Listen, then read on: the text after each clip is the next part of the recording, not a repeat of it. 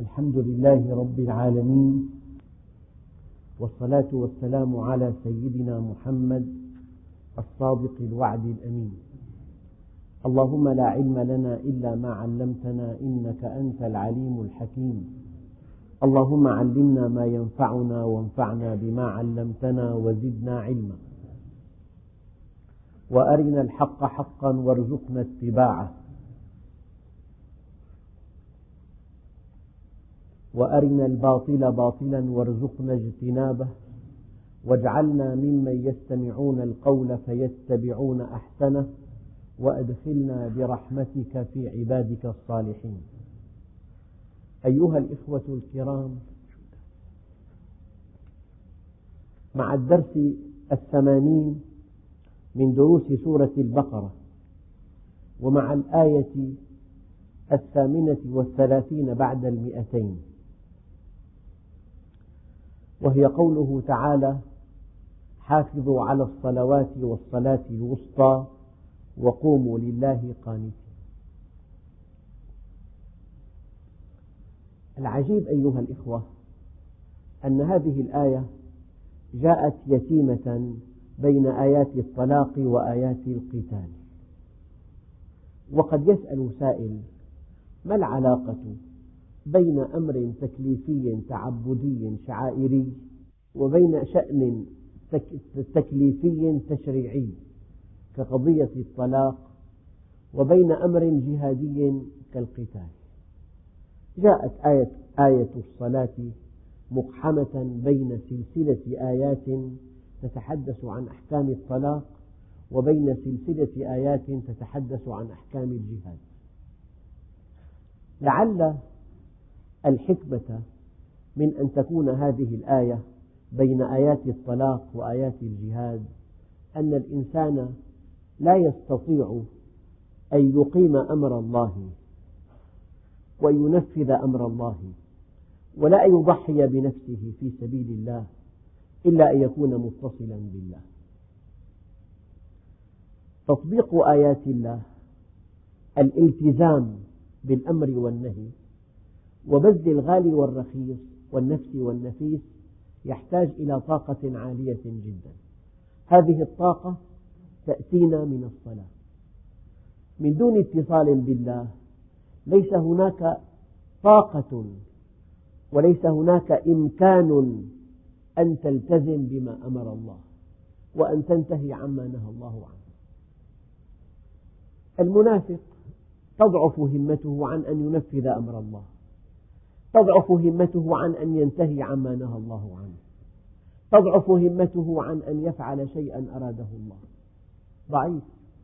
إذا قاموا إلى الصلاة قاموا كسالى.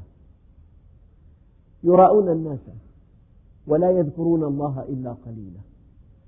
فإذا كان المنافق تضعف همته عن أن ينفذ أمر الله التشريعي وأن ينتهي عما نهى أيضا. فلأن يعجز عن أن يبذل الغالي والرخيص والنفس والنفيس في سبيل الله من باب أولى. لا يستطيع. فكأن الله عز وجل يرشدنا إلى أنكم يا عبادي إن لم تتصلوا بي إن لم تقتبسوا هذه الطاقة من خلال إقبالكم علي لن تستطيعوا.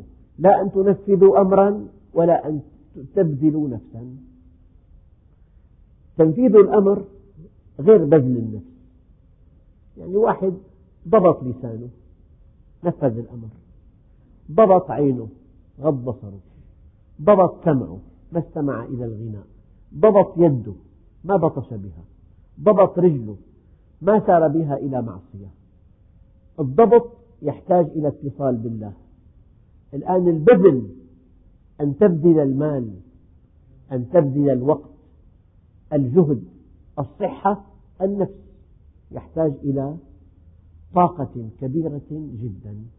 هذه الطاقة تأتيك من الاتصال بالله عز وجل.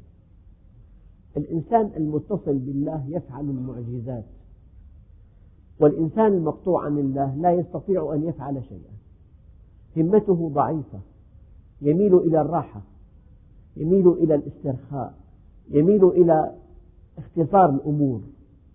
فبين أن تملك هذه الطاقة العالية كي تقيم أمر الله وبين أن تكون مقطوعا عن الله عز وجل فالمقطوع عن الله لا يستطيع لا أن يقيم أمر الله ولا أن يبذل في سبيل الله شيئا. لذلك جاءت آيات الصلاة مقحمة بين آيات الطلاق وآيات الجهاد. يعني في الطلاق التزام امتناع انضباط سيطرة على الذات الجهاد بذل. بذل ماذا؟ بذل أثمن شيء يملكه الإنسان حياته. فلا تستطيع لا أن تلتزم ولا أن تضحي إن لم تكن موصولا بالله عز وجل. هذا معنى إقحام آية الصلاة بين آيات الطلاق وآيات الجهاد. أيها الإخوة كما تعلمون الدين له أركان كثيرة. أركانه خمس. أركان الإسلام خمس. شهادة أن لا إله إلا الله شهادة التوحيد وشهادة أن محمدا رسول الله شهادة الرسالة. هذه تلفظ مرة واحدة في العمر وانتهى الأمر. إلا إذا الإنسان ارتد أو حلف يمين غموس هذا اليمين الغموس الذي يقتطع به حق امرئ مسلم يخرجه من الدين. لا بد من أن يدخل في الدين ثانية فيعلن شهادة أن لا إله إلا الله وأن محمدا رسول الله. وإقام الصلاة وإيتاء الزكاة وصوم رمضان وحج البيت. إيتاء الزكاة تسقط عن الفقير. الزكاة تسقط عن الفقير والصوم يسقط عن المريض والمسافر. طبعا يؤدى بعد ذلك أداء.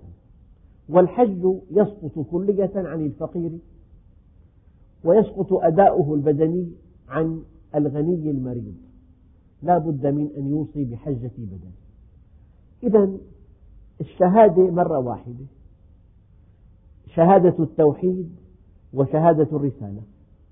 والزكاة قد تسقط عن الفقير والصوم يسقط عن المريض والمسافر والحج يسقط عن الفقير والضعيف. ما هو الفرض المتكرر الذي لا يسقط بحال؟ إنه الصلاة. لذلك ورد أنه لا خير في دين لا صلاة فيه. الاتصال بالله. يا أيها الإخوة الكرام العبادات في الديانات الوضعية الوثنية طقوس لا معنى لها إطلاقا. حركات وإيماءات وتمتمات لا تعني شيئا. ولكن العبادات في الإسلام عبادات معللة بمصالح الخلق. عبادات معللة بمصالح الخلق. قال تعالى إن الصلاة تنهى عن الفحشاء والمنكر ولذكر الله أكبر. تنهى. تنهى نهيا ذاتيا. وأروع ما في الدين هذا النهي الذاتي الوازع الداخلي. يعني مثل بسيط أعرابي راعي غنم. أراد ابن عمر كما تروي الروايات أن يمتحنه. قال بعني هذه الشاة وخذ ثمنها. قال ليست لي. قال قل لصاحبها ماتت أو أكلها الذئب. قال ليست لي. قال خذ ثمنها. قال والله إنني لفي أشد الحاجة إلى ثمنها. ولو قلت لصاحبها ماتت أو أكلها الذئب لصدقني فإني عنده صادق أمين ولكن أين الله؟ عظمة هذا الدين كله. متركزة في الوازع الداخلي. رجل أعطاني ورقة أو وضع على طاولتي ورقة قبل سنوات وأنا محتفظ بها. قال والله أديت لورثة عشرين مليون لا يعلمون عنها شيئا ولست مدانا في الأرض بها ولا محاسبا عليها ولا مطالبا بها. الوازع الداخلي. هذا أعظم شيء في الدين. الوازع الداخلي.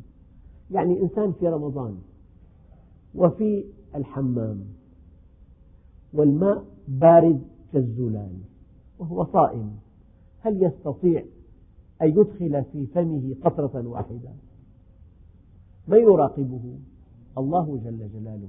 يعني ما في إنسان يمكن أن ينضبط كالمؤمن لأن الله معه. أما اجعل ضبط ضبط خارجي. مستحيل. لو تخيلنا تخيلنا أنه ليس في الإسلام صيام وأراد أولو الأمر أن يفرضوا الصيام من أجل صحة الناس ونقاء أجسامهم. طيب هل يستطيع ولي أمر المسلمين في أي زمان أو مكان أن يحقق هذا الأمر؟ طبعا الإنسان لا يشرب أمام الناس. أما إذا دخل بيته يشرب ويأكل ويفعل كل شيء. طيب ما هذا الدين الذي يجعل الإنسان مراقبا وهو في فراشه؟ مراقبا وهو في بيته. مراقبا وهو في أداء حاجاته. إلا الدين. الدين مبني على الوازع الداخلي. أساس هذا الوازع إن الصلاة تنهى عن الفحشاء والمنكر. أما في بلاد الغرب بلاد الرقي كل هذا الرقي ضبط خارجي ضبط إلكتروني يعني سوق في ألوف الملايين من البضائع خمس موظفين على أبواب هذا السوق. فأية سلعة لم يدفع ثمنها تصدر صوت يلقى القبض على هذا الإنسان المحتال. فما دام أي سلعة في هذا السوق الكبير إن لم تدفع ثمنها. وتلغي تأثير هذه المادة وأنت خارج يصدر صوت كبير. إذا هذه استقامة الناس هناك أساسها الرادع الخارجي. هنا الفرق الكبير بين المسلم وبين الإنسان المدني المنضبط بالقوانين إنسان ينضبط بالقوانين لأن هناك أدوات مراقبة عالية جدا لكن يوم انقطعت الكهرباء في نيويورك تمت مئتا ألف سرقة بقيمة 2 بليون دولار. انقطعت الكهرباء فانقطع الرادع فانقطعت المراقبة فانتهى الأمر. نظام الإسلام مبني على الوازع ونظام العلمنة مبني على الرادع. الخارجي. وشتان بين الوازع والرادع. يعني السرعات محددة في أمريكا. ما هو الرادع الذي يكشفها؟ أجهزة رادار موضوعة على أطراف الطرق. طيب الإنسان أذكى من واضع القانون. اخترع جهاز يطلق لمركبته العنان إلى سرعة 200 كيلومتر في الساعة.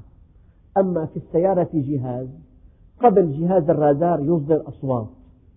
يخفف السرعة إلى السرعة المطلوبة. إذا هذا جهاز الضبط الذي صنعه, صنعه أولو الأمر ألغي بجهاز مقابل. فلا بد لأولي الأمر من أن يصنعوا جهازا يكشف ما في المركبات من أجهزة. وهذه معركة لا تنتهي. واضع القانون ذكي والمواطن أذكى وهي معركة بين واضع القانون وبين الذي يطبق عليه القانون والقضية لا تنتهي. أما في الإسلام المشرع هو الله وهو معكم أينما كنتم انتهى الأمر. يخاف المؤمن. المشرع هو الله وهو معكم أينما كنتم. يعلم خائنة الأعين وما تخفي الصدور. يعني واحد في غرفته ينظر من النافذة فإذا بيت الجيران خرجت امرأة إلى الشرطة. من يستطيع أن يضبطه أنه ينظر إليها؟ إلا الله. امرأة أمام طبيب مسلم. من الذي يكشف انتقال طرفه إلى مكان ينبغي ألا ينظر إليه؟ الله عز وجل. يعلم خائنة الأعين. فأعظم ما في هذا الدين أن الإنسان مراقب من قبل الله عز وجل والذي يشعر بهذه المراقبة لا بد من أن يستقيم على أمر الله. الصلاة هي التي تمنح الإنسان هذه المراقبة وهذا الانضباط الذاتي وهذا الفعل الرائع في الوازع الداخلي. فلذلك لا خير في دين لا صلاة فيه. الصلاة عماد الدين من أقامها فقد أقام الدين. ومن تركها فقد هدم الدين. أيها الإخوة طبعا هذا التمهيد لأن الآية دقيقة جدا حافظوا على الصلوات. أيها الإخوة الصلاة اتصال بالله عز وجل. أنت إن اتصلت بالرحيم اشتققت منه الرحمة. إن اتصلت بالقوي اشتققت منه الشجاعة. إن اتصلت بالحكيم اشتققت منه الحكمة. فكل الفضائل الإنسانية أساسها اتصال بالله عز وجل. إن مكارم الأخلاق مخزونة عند الله تعالى فإذا أحب الله عبدا منحه خلقا حسنا. كل الفضائل التي يتمتع بها المؤمن من أين تأتيه؟ من اتصاله بالله عز وجل. فالصلاة عماد الدين. الصلاة أيها الإخوة قرب من الله عز وجل. قال تعالى واسجد واقترب. قرب من الله عز وجل. واسجد واقترب. الصلاة ذكر لله عز وجل. أقم الصلاة لذكري. الصلاة طهارة من كل دنس. كما قال عليه الصلاة والسلام الصلاة طهور. والصلاة نور. معك مصباح وضاء. يكشف لك الحق حقا. فتتبعه. ويكشف لك الباطل باطلا فتجتنبه. ما هذا النور؟ يا أيها الذين آمنوا إن تتقوا الله يجعل لكم فرقانا. من خلال اتصالك بالله يقذف في قلبك النور. ترى به الحق حقا والباطل باطلا. الخير خيرا والشر شرا. أيها الإخوة ومن خلال اتصالك بالله عز وجل تكتسب الحكمة قال تعالى ومن يؤت الحكمة فقد أوتي خيرا كثيرا. هي طهور وهي نور. بالمناسبة ما من عمل أحمق ما من عمل مدمر إلا ينطلق من عمى إنها لا تعمى الأبصار ولكن تعمى القلوب التي في الصدور. وما من عمل نافع ما من عمل يرقى بالإنسان إلا ينطلق من رؤية صحيحة. فكل إنسان يتقي الله يجعل له نورا يمشي به في الناس.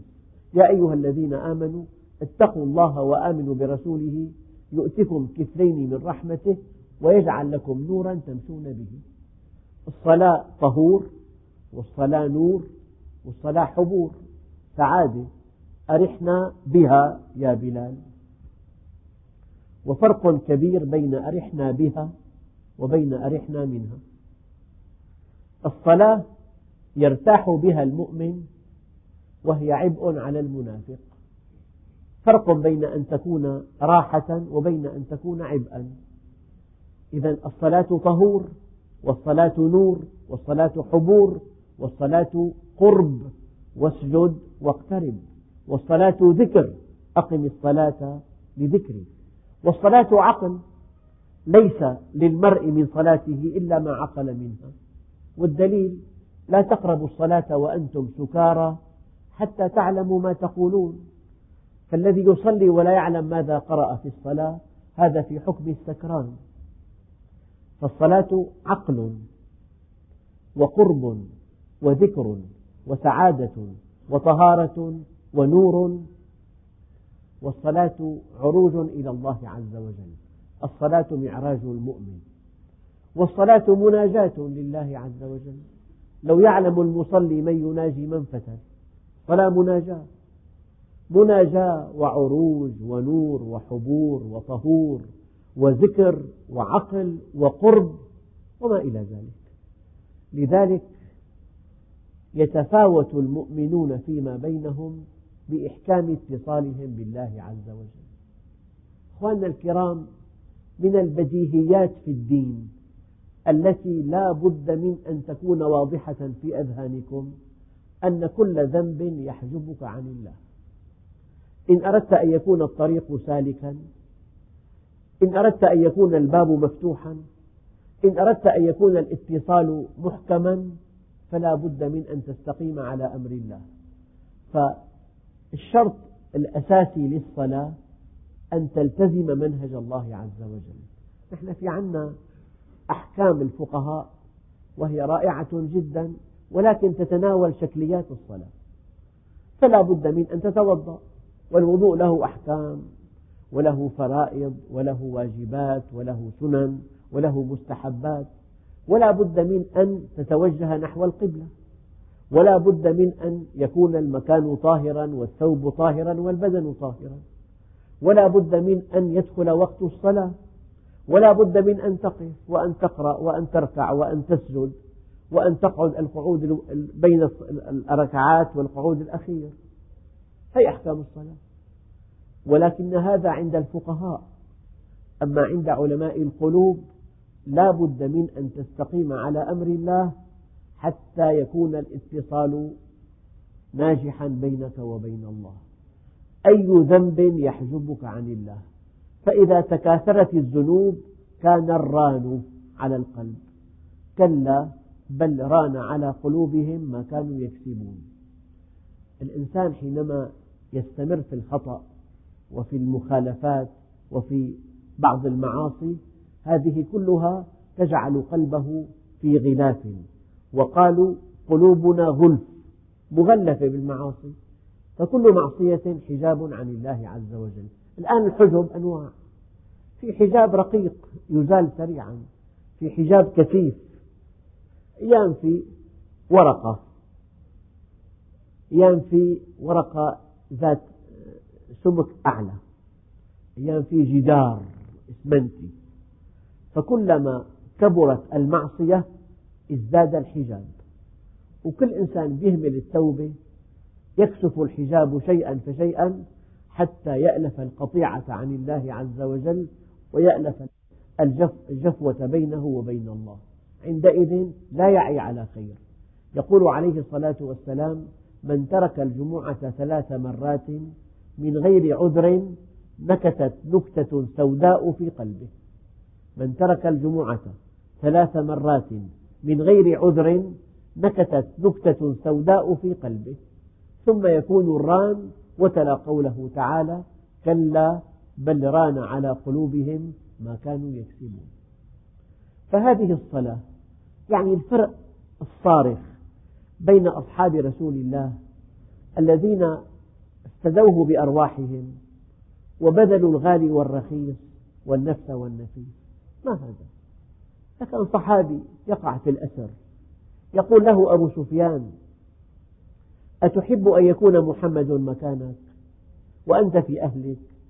فانتفض وقال والله ما أحب أن يكون أن أكون في أهلي وولدي وعندي عافية الدنيا ونعيمها ويصاب رسول الله بشوكة. حتى قال أبو سفيان وكان مشركا ما رأيت أحدا يحب أحدا كحب أصحاب محمد محمدا. هذا الحب المتأجج. من أين يأتي؟ من الاتصال بالله. يعني امرأة كلكم يعلم من هي المرأة. امرأة ترى زوجها مقتولا في معركة أحد. ثم ترى ابنها مقتولا. ثم ترى أخاها مقتولا. ثم ترى أباها مقتولا. من أندر القصص. أبوها وأخوها وزوجها وابنها. هل هناك من رجال أوفق من هؤلاء بالمرأة؟ ما تقول شيئا تقول ما فعل رسول الله. فما زالت مضطربة حتى رأته سليما معافى. قالت يا رسول الله كل مصيبة بعدك تهون. هذا الحب هذا الحب من أين جاء؟ من الاتصال بالله. تلاقي المؤمن يفعل المعجزات. والله عز وجل بمكنه بمده بقوة. يعني هالمحرك هلا مركبة فخمة جدا. يعني مطلية بطلاء رائع زاهي مقاعد وثيرة مرايا نظيفة. يعني أبواب فارهة بس ما فيها محرك. ليست مركبة ليست سيارة. هذه وقافة. الطائرة المطعم عندنا في الشام. هل تعد طائرة هذه؟ ما في محرك. فالإنسان من دون صلاة بلا محرك. بارك. أما بالصلاة يفعل المعجزات. قد يعمل عشرين ساعة دون تعب. واللي ما بيصلي؟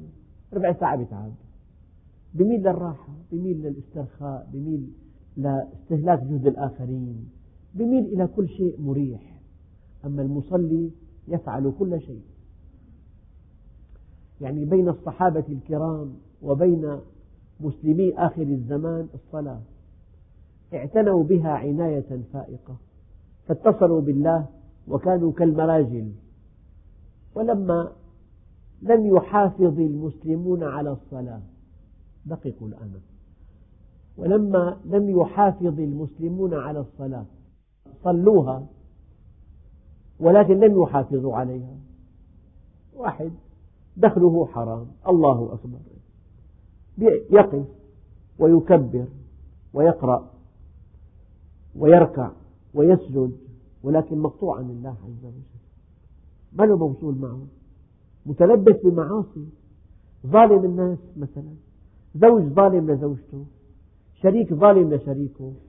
الدخل حرام. العلاقات مع النساء كلها غير منضبطة. البيت غير إسلامي. الأولاد لم يتلقوا تربية من من أبيهم. وإذا صليت إياكم ثم إياكم ثم إياكم أن تفهموا مني أن هذه الصلاة ينبغي أن تترك. أعوذ بالله. أعوذ بالله أن أقول هذا الكلام. ولكن إن لم ينضم إليها الاستقامة والعمل الصالح لا تقطف ثمارها. إن لم ينضم إليها. الاستقامة والعمل الصالح لا تقطف ثمارها وكنت أقول لكم دائما السلامة تحتاج إلى استقامة والسعادة تحتاج إلى بذل. فما لم تستقم على أمر الله وتبذل من مالك ووقتك وجهدك شيئا لإرضاء الله عز وجل لن تستطيع أن تتصل بالله ولا أن تقطف الثمار من الصلاة. لهذه المقدمة أقول يقول الله عز وجل حافظوا على الصلوات حافظوا على أدائها في وقتها وأحب شيء إلى الله الصلاة على وقتها ومن أخر الصلاة عن وقتها أذهب الله البركة من عمره. حافظوا على الصلوات في أوقاتها حافظوا عليها بإتمامها على النحو الذي أراده أراد الله عز وجل. الوقوف والركوع والسجود والقراءة. حافظوا على الصلاة بمعنى أن تسبق باستقامة على أمر الله. إذا واحد حافظ على الدوام في الجامعة بس ما درس ولا كلمة. ما قيمة هذا الدوام؟ ما درس. فالحفاظ على الجامعة لا يعني أن تداوم فقط. يعني أن تدرس في البيت. فلذلك يقول الله عز وجل حافظوا على الصلوات والصلاة الوسطى وقوموا لله قانتين. داوموا على أدائها لأوقاتها مع رعاية فرائضها وسننها من غير, من غير إخلال بشيء منها. كان عليه الصلاة والسلام كان أخف الناس صلاة في تمام. أخف الناس صلاة في تمام. المحافظة على الصلاة بالمعنى الفقهي سهل جدا أن تصليها في وقتها أن يكون وضوءك سابغا أن يدخل الوقت أن تتجه نحو القبلة أن يكون البدن طاهرا والثوب طاهرا والمكان طاهرا وأن تقف وتركع وتسجد وتقرأ كما أراد النبي عليه الصلاة والسلام صلوا كما رأيتموني أصلي. هذا عند الفقهاء. أما عند علماء القلوب لا بد من أن تسبق الصلاة طاعة لله. لا بد من أن تدخل إلى الصلاة وأنت مستقيم على أمر الله. ضابط للسانك ضابط لعينك ضابط ليدك ضابط لأذنك ضابط لرجلك. أبدا. هي كلام دقيق. فضلا عن شروط الفقهاء. من أن تقف وأن تتوضأ وأن تقف باتجاه القبلة فضلا عن شروط الفقهاء. لا بد من شرط علماء القلوب. لا بد من أن تستقيم على أمر الله حتى يتاح لك أن تتصل بالله. إن أردت أسرع من ذلك لا بد من أن تبذل شيئا قبل الصلاة. شيء من وقتك من مالك عمل صالح نصيحة مسلم أمر بالمعروف نهي عن المنكر أن ترشد الإنسان الضال أن تعين الضعيف أن تعطي الفقير أن تعتني بطالب العلم. لا بد من عمل يكون هدية بينك وبين الله. كنت أضرب مثل يعني للتقريب. جندي غر التحق بسكنه هذه السكنة هي لواء. على رأسها لواء يحمل رتبة لواء. بين هذا الجندي الغر وبين هذا اللواء مراتب لا يتاح لهذا الجندي الغر أن يدخل على على اللواء. مستحيل. من سابع المستحيلات يسمح له بمقابلته. في مراتب كثيرة جدا هناك تسلسل إلا في حالة واحدة.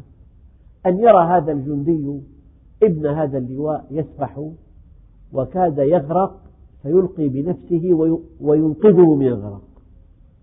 في اليوم التالي يستطيع أن يلغي كل هذا التسلسل وأن يقتحم عليه غرفته ويقول له أنا فلان. فإذا باللواء يقف له يقول له أنت فعلت معي شيئا لا أنساه حتى الموت. يعني مثلا ما الذي جعل هذا الجندي الغر يقتحم مكتب اللواء ويدخله بوجه أبيض؟ عمله الطيب يعني أنت بشكل أو بآخر لا تستطيع أن تتصل بالله إلا بعمل طيب.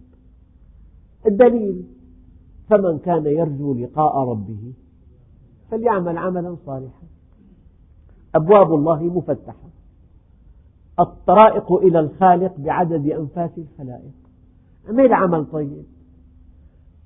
بالبيت في عمل طيب. كن أب كامل. هذا عمل طيب. كن ابنا بارا. كوني زوجة وفية. كن أخا رحيما. هلا كن تاجرا صدوقا. كن موظفا أمينا على مصالح المواطنين خدوم الناس. كن صادق كن أمين كن عفيف بزين انصاح الناس خدمهم. وتعال إلى الصلاة. تقف وجهك أبيض. كهذا الجندي الذي اقتحم على اللواء مكتبه لأنه عمل معه عملا طيبا.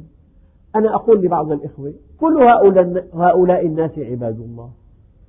فإذا أكرمتهم إذا نصحتهم إذا طمأنتهم إذا أخلصت لهم إذا قدمت لهم خدمة أعنت ضعيفهم أطعمت جائعهم كسيت عاريهم. الله عز وجل يتجلى عليك بالصلاة. كلام دقيق أيها واضح كالشمس.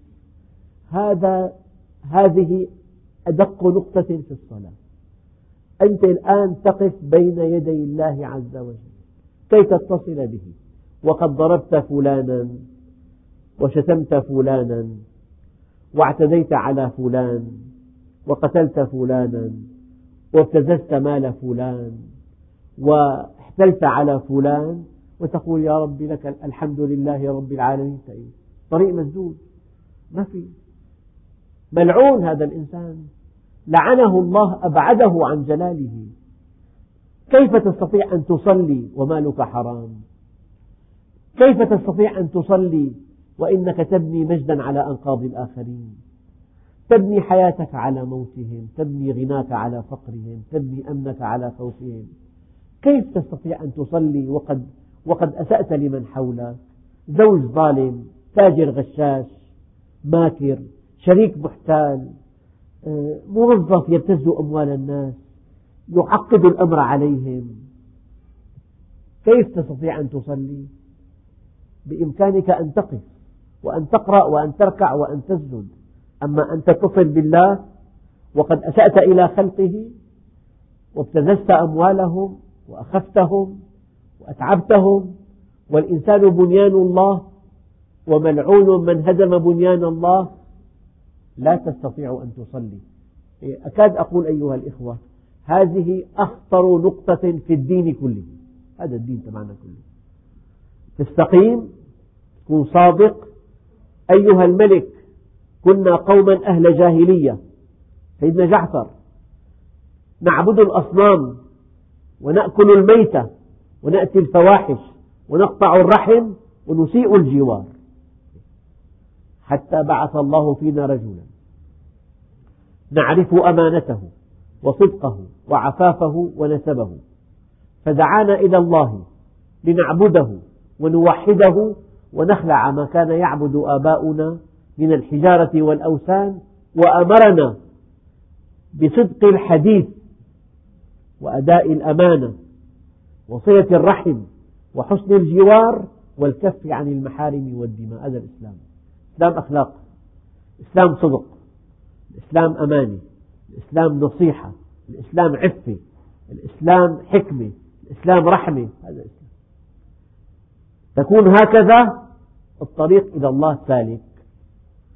لا الواحد عنده هاتف بس ما في خط رفع السماعة ما في ونة ما له قيمة إطلاقا. لا قيمة له إطلاقا إلا بهالونة في خط إذا في استقامة في ونة في خط إذا ما في استقامة خط ما في. مقطوع الخط. ما في حرارة الخط إلا الاستقامة تعمل حرارة. من دون استقامة ما في حرارة مقطوع الخط. إن أردت أن تكون موصولا بالله فعليك بطاعة الله. عليك بالإحسان إلى خلقه. الإنسان بنيان الله بنيان الله وملعون من هدم بنيان الله. إنسان فقير جاء يشتري منك حاجة. شعرت أنه غشيم. جاهل. بعته حاجة سيئة بسعر باهظ. الوقت أدى. يلا على الجامع. أنو جامع هذا؟ هي زعبرة اسمها زعبرة وتلبسة. أنت عم تغش الناس عم تكذب عليهم عم تبتز أموالهم عم تخوفهم أحيانا عم تحتال عليهم. عم تطلب شيء ليس من حقك أن تأخذه. ولادة طبيعية قيصرية 16 ألف. صدقك قال لك مثل ما بدك. الولادة عادية جدا. طبعا بين 3000 و 16 ألف كثيرة كثير طبعا. هذا الطبيب والمدرس والمحامي وكل إنسان بغلط يعني قضية خاسرة. لا بكتب لك إياها. وينك من سنوات ساحت معه. هات عشرة وهات عشرة لحتى ابتز منه مئتين ألف. بعدين والله أخي خصمك دبر القاضي شو ساوي لك؟ وبيصلي. أول صف حافظوا على الصلوات بمعنى حافظ على استقامة قبل الصلاة حافظ على التزام قبل الصلاة حافظ على طاعة لله قبل الصلاة حافظ على إحسان للخلق قبل الصلاة. حتى تلاقي الطريق سالك تلاقي تونة بهالتليفون أيها الإخوة حافظوا على الصلوات والصلاة الوسطى. قال الوسطى هي الوسطى بين الصلوات. بمعنى المتوسطة. يعني هناك من قال الصبح هي الصلاة الوسطى. بعضهم قال الظهر بعضهم قال العصر بعضهم قال المغرب بعضهم قال العشاء. ولكل هذه الأوقات الخمس أقوال معتمدة. هذه قضية خلافية. وبعضهم قال الصلاة الوسطى هي الصلاة المتوسطة. ولا تجهر بصلاتك ولا تخافت بها. ما في صلاة أربع ساعات ولا صلاة دقيقة. صلاة وسطى معتدلة في الطول والقصر في الجهر والسر. يعني في صلاة فيها تكلف غير مقبول في صلاة فيها تساهل. الصلاة الوسطى بين الصلاتين بين التكلف الممقوت والتساهل الذي يؤدي إلى عدم قبولها. بين إطالتها إطالة غير معقولة وبين أن تكون مختصرة بين أن ترفع صوتك فتشوش على الناس كلهم. بيكون في درس علم بيجي أخ يصلي يقتدي في اثنين ثلاثة. لازم يسمع الحرم والصحن بصوته. شوشت على الدنيا كلها. سمع اللي حولك.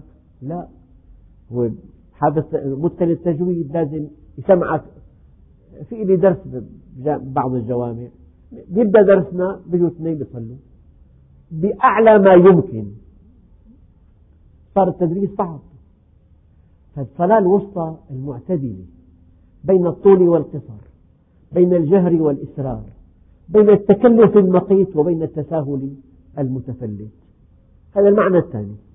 وقال بعضهم هي بعض الصلوات الخاصة غير الخمس كصلاة الفطر. وصلاة الأضحى وصلاة الجماعة وصلاة الخوف أو صلاة الجمعة. يعني يا أما صلوات غير الخمس حافظوا على الصلوات والصلاة الوسطى أو على طريقة للصلاة معتدلة متوسطة أو على أوقات بعينها. وبعضهم قال حافظوا على الصلاة بين الصلاتين. كن مع الله عز وجل بالدعاء بالإقبال. أما علماء الأثر فقد ذهبوا إلى معنى الصلاة الوسطى أنها صلاة العصر. لما في الصحيحين عن علي رضي الله عنه أن النبي صلى الله عليه وسلم قال يوم الأحزاب وفي رواية يوم الخندق ملأ الله قلوبهم وبيوتهم نارا كما شغلونا عن الصلاة الوسطى حتى غابت الشمس. وفي رواية شغلونا عن الصلاة الوسطى صلاة العصر. النبي عليه الصلاة والسلام روي عنه في الصحيحين أن الصلاة الوسطى صلاة العصر. إذا يمكن أن تكون أحد الصلوات الخمس أو أن تكون أحد الصلوات غير الصلوات الخمس. الفطر والأضحى والجمعة والخوف والجنازة. ويمكن أن تكون الصلاة الوسطى الصلاة المعتدلة بين الطول والقصر والإجهار والإسرار والتكلف والتساهل. ويمكن أن تكون بحسب هذا الأثر الصحيح أن الصلاة الوسطى هي صلاة العصر. أيها الإخوة بعض العلماء يعني بين ما في هذا العصر من فضائل. فقال ورد عن رسول الله صلى الله عليه وسلم فيما رواه الشيخان عن ابن عمر أن رسول الله صلى الله عليه وسلم قال الذي تفوته صلاة العصر فكأنما وفر أهله وماله. يعني خسر أهله وماله. واحد يخسر أولاده وزوجته بحريق بيت مثلا أو يفلس. هكذا قال عليه الصلاة والسلام في الصحيحين. وفي حديث آخر أخرجه الإمام البخاري بكروا بصلاة العصر أي قدموها في أول وقتها. وفي حديث ثالث من ترك صلاة العصر فقد حبط عمله. من ترك صلاة العصر فقد حبط عمله. وبكروا بصلاة العصر أو قدموها في أول وقتها. والنبي عليه الصلاة والسلام يقول الذي تفوته صلاة العصر فكأنما وتر أهله وماله. نعم. يعني هناك أدلة كثيرة على أن هذه الصلاة هي صلاة العصر. لكن بعض العلماء قال الساعة التي في يوم الجمعة ساعة الدعاء المستجاب تكون بعد العصر. هذا أحد أسباب ترجيح صلاة العصر. الشيء الأساسي أن النبي صلى الله عليه وسلم غلظ المصيبة في فواتها. بذهاب الأهل والمال في الحديث المتقدم. يعني أول شيء يدعونا إلى أن نعظم هذه الصلاة أن النبي صلى الله عليه وسلم غلظ المصيبة في فواتها بذهاب الأهل والمال في الحديث المتقدم وشيء آخر هو أن حبوط عمل تاركها المضيع لها في الحديث الثالث أيضا. العمل يحبط لمن ترك صلاة العصر. ومنها أنها كانت أحب إليهم من أنفسهم وآبائهم وأبنائهم وأهليهم وأموالهم. صلاة العصر. ومنها قول النبي صلى الله عليه وسلم من حافظ عليها كان له أجرها مرتين رواه مسلم. ومنها أن انتظارها بعد الجمعة كعمرة كما روى بعضهم في الحديث الشريف. ومنها ثلاثة لا يكلمهم الله يوم القيامة ولا يزكيهم ولا ينظر إليهم ولهم عذاب أليم. إلى أن قال ورجل أقام سلعة بعد العصر فحلف بالله أنه أخذها بكذا وكذا. فجاء رجل فصدقه فاشتراها متفق عليه. وسيدنا سليمان كما يذكر أتلف مالا عظيما لأنه شغله عن صلاة العصر.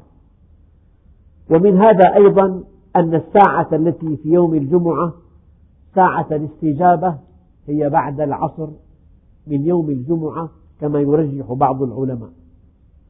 ومنها أن وقت صلاة العصر وقت ارتفاع الأعمال إلى الله عز وجل. ومنها الحديث المرفوع إن الله تعالى يوحي إلى الملكين لا تكتبا على عبد الصائم بعد العصر سيئة. ومنها ما جاء في قوله تعالى والعصر إن الإنسان لفي خسر إلا الذين آمنوا. قال بعض العلماء هي صلاة الوسطى أي صلاة العصر. ومنها ما روي في الحديث أن الملائكة تصف كل يوم بعد العصر بكتبها في السماء الدنيا فينادى, فينادي الملك ألق تلك الصحيفة فيقول وعزتك ما كتبت إلا ما عمل. لكن الشيء الذي يلفت النظر أن هذا الوقت وقت نوم أو وقت اشتغال بالتجارة ومنها أن وقتها وقت اشتغال الناس بتجاراتهم ومعايشهم في الغالب. إذا وضعت بين أيديكم كل الاحتمالات وجميع الأقوال المتعلقة بالصلاة الوسطى. يمكن أن نلخصها. أن الصلاة الوسطى هي الصلوات الخمس على أقوال مختلفة. بعضهم قال الفجر بعضهم قال الظهر بعضهم قال العصر أو المغرب أو العشاء. ومنها الصلاة الفضلى المتوازنة المعتدلة بين الطول والقصر والجهر والإسرار وبين التكلف والتساهل. وبعضهم قال هي الصلوات غير الصلوات الخمس كصلاة الفطر والأضحى والجمعة والجنازة وصلاة الخوف وما شاكل ذلك. وبعضهم قال كما ورد في الأثر صلاة العصر وقد بينت لكم أقوال بعض العلماء في لماذا أشار النبي عليه الصلاة والسلام إلى أن هذه الصلاة هي صلاة العصر. وقوموا لله قانتين. قوموا لله قانتين. ورد في بعض الآثار أن الصحابة كانوا في أول ما في أول فريضة الصلاة كانوا يتكلمون في أثناء الصلاة. فجاءت هذه الآية حافظوا على الصلوات والصلاة الوسطى وقوموا لله قانتين أي خاشعين صامتين. بالمناسبة بعضهم قال الصلاة فيها من كل أركان الإسلام. جانب. فيها من الصيام الصيام امتناع عن الطعام والشراب. أما الصلاة فيها امتناع عن الطعام والشراب والكلام. فيها من الحج التوجه إلى بيت الله الحرام. فيها من الزكاة أن الوقت أصل في كسب المال وأنت تقتطع من وقتك وقتا للصلاة. ففيها من الزكاة أنها اقتطاع لوقت هو أصل في كسب المال. وفيها من الحج توجه إلى بيت الله الحرام. وفيها من الصيام أنها ترك الطعام والشراب والكلام. نعم. وفيها من الشهادتين أنك تتشهد فيها في القعود تقول أشهد أن لا إله إلا الله وأن محمدا رسول الله. بل إن الصيام من أجل الصلاة والقيام من أجل الصلاة والحج من أجل الصلاة والزكاة من أجل الصلاة والصلاة من أجل الصلاة. هي غاية الغايات هي سيدة القربات هي معراج المؤمن إلى رب الأرض والسماوات هي عماد الدين وعصام اليقين هي سيدة القربات إلى الله عز وجل الصلاة عماد الدين من أقامها فقد أقام الدين ومن تركها فقد هدم الدين. إذا حافظوا على الصلوات والصلاة الوسطى وقوموا لله قانتين. يعني في الصلاة خاشعا وساكتا. ما في كلام آخر يقال في الصلاة. يعني مثلا وإن كان هذه طرفة لو رأيت أخا لك يأخذ كتابا لك. أو لو جئت بكتاب لتعطيه لأخيك وأنت في الصلاة. فقلت يا يحيى خذ الكتاب. فلا باطلة. لأنك استخدمت آية في القرآن الكريم لغير ما قصد الله منها. أردت أن تنبه أخاك إلى أن الكتاب جاهز خذه إذا قلت يا يحيى خذ الكتاب فالصلاة باطلة لأنك لم تكن في الصلاة كنت خارج الصلاة. قال فإذا خفتم فرجالا أو ركبانا يمكن أن يصلي الخائف من عدو آدمي أو غير آدمي يصلي وهو مترجل رجالا أي مترجلا. أنت ماشي. وجهة الخائف جهة أمنه وجهة المريض جهة راحته. وجهة المسافر جهة دابته أو طائرته. قبلة المسافر جهة آه، دابته. وقبلة المريض جهة راحته. وقبلة الخائف جهة أمنه. فإن خفتم فرجالا أو ركبانا. إما أن تصلي وأنت راكب على دابة أو على سفينة أو في الطائرة أو وأنت ماشي. فإذا أمنتم انتهى الخوف فاذكروا الله كما علمكم ما لم تكونوا تعلمون والحمد لله رب العالمين.